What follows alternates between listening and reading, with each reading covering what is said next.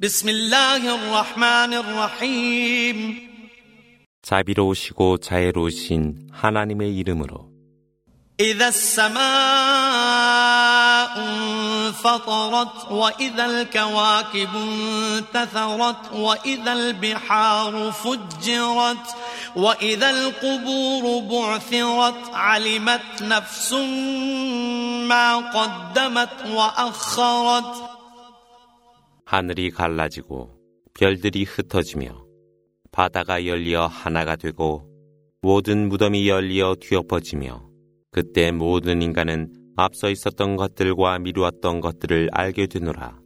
يا أيها الإنسان ما غرك بربك الكريم الذي خلقك فسواك فعدلك في أي صورة ما شاء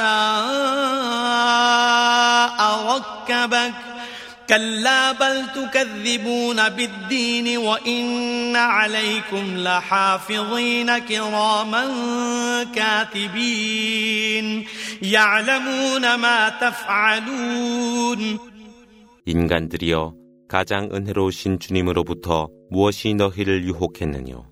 그분께서 너희를 창조하고 형상을 만든 후 균형을 주시었고 그분이 원하시는 형태로서 너희를 지으셨으나 너희는 진리와 심판을 거역함에 너희를 감시하는 자들을 두었노라.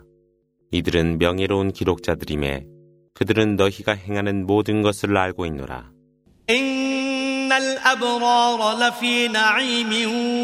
وإن الفجار لفي جحيم يصلونها يوم الدين وما هم عنها بغائبين.